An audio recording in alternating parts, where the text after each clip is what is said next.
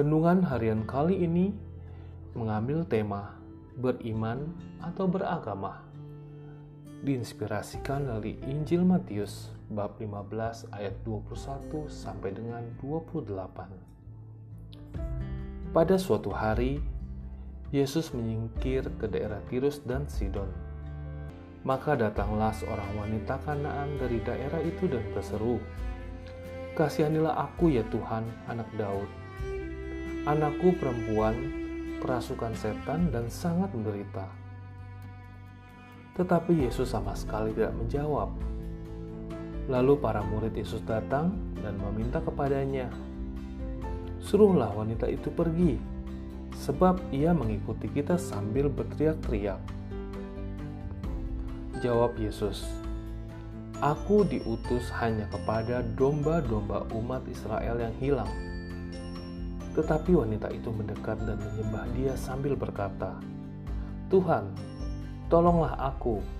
Yesus menjawab, tidak patut mengambil roti yang disediakan bagi anak-anak dan melemparkannya kepada anjing.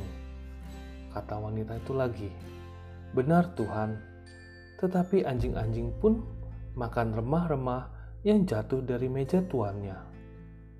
Bersabdalah Yesus kepadanya, "Hai ibu, sungguh besar imanmu. Terjadilah bagimu seperti yang kau kehendaki." dan seketika itu juga anaknya sembuh. Demikianlah Injil Tuhan. Terpujilah Kristus. Ketika Yesus berada di kota Tirus dan Sidon, seorang perempuan Kanaan berseru kepadanya meminta agar anaknya disembuhkan. Peristiwa ini membenarkan perkataan Yesus tentang Tirus dan Sidon di Matius bab 11 ayat 21 bahwa jika di kedua kota itu terjadi mukjizat-mukjizat Tuhan, tentunya sudah sejak dahulu mereka bertobat dan berkabung. Iman perempuan tersebut menjadi bukti nyata akan pribadi yang terbuka pada kehadiran Tuhan. Lebih lagi, karena Yesus tidak begitu saja mengabulkan permohonannya.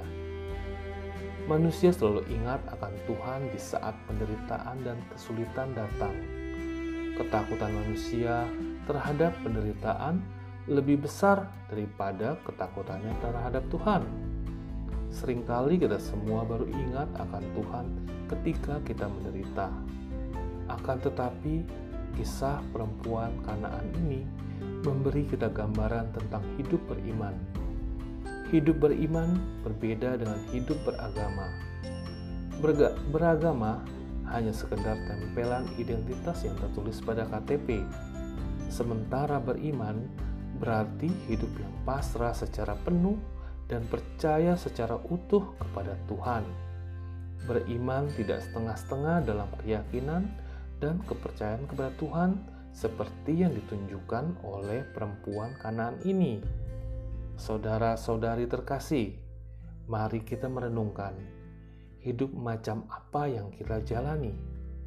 Apakah kita beriman kepada Tuhan, pasrah secara penuh kepadanya, ataukah kita sekedar beragama saja?